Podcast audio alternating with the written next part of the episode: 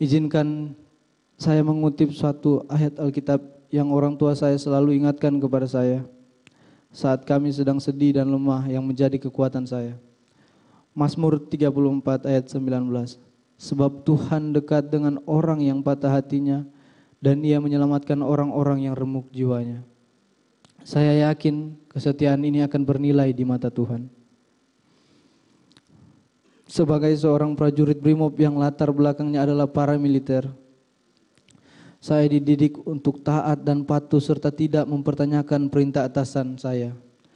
Apabila ada yang mengganggu ketaatan dan kepatuhan saya, apabila ada yang menganggap ketaatan dan kepatuhan saya membabi buta, maka pada malam hari ini saya menyerahkan kepada kebijaksanaan majelis hakim.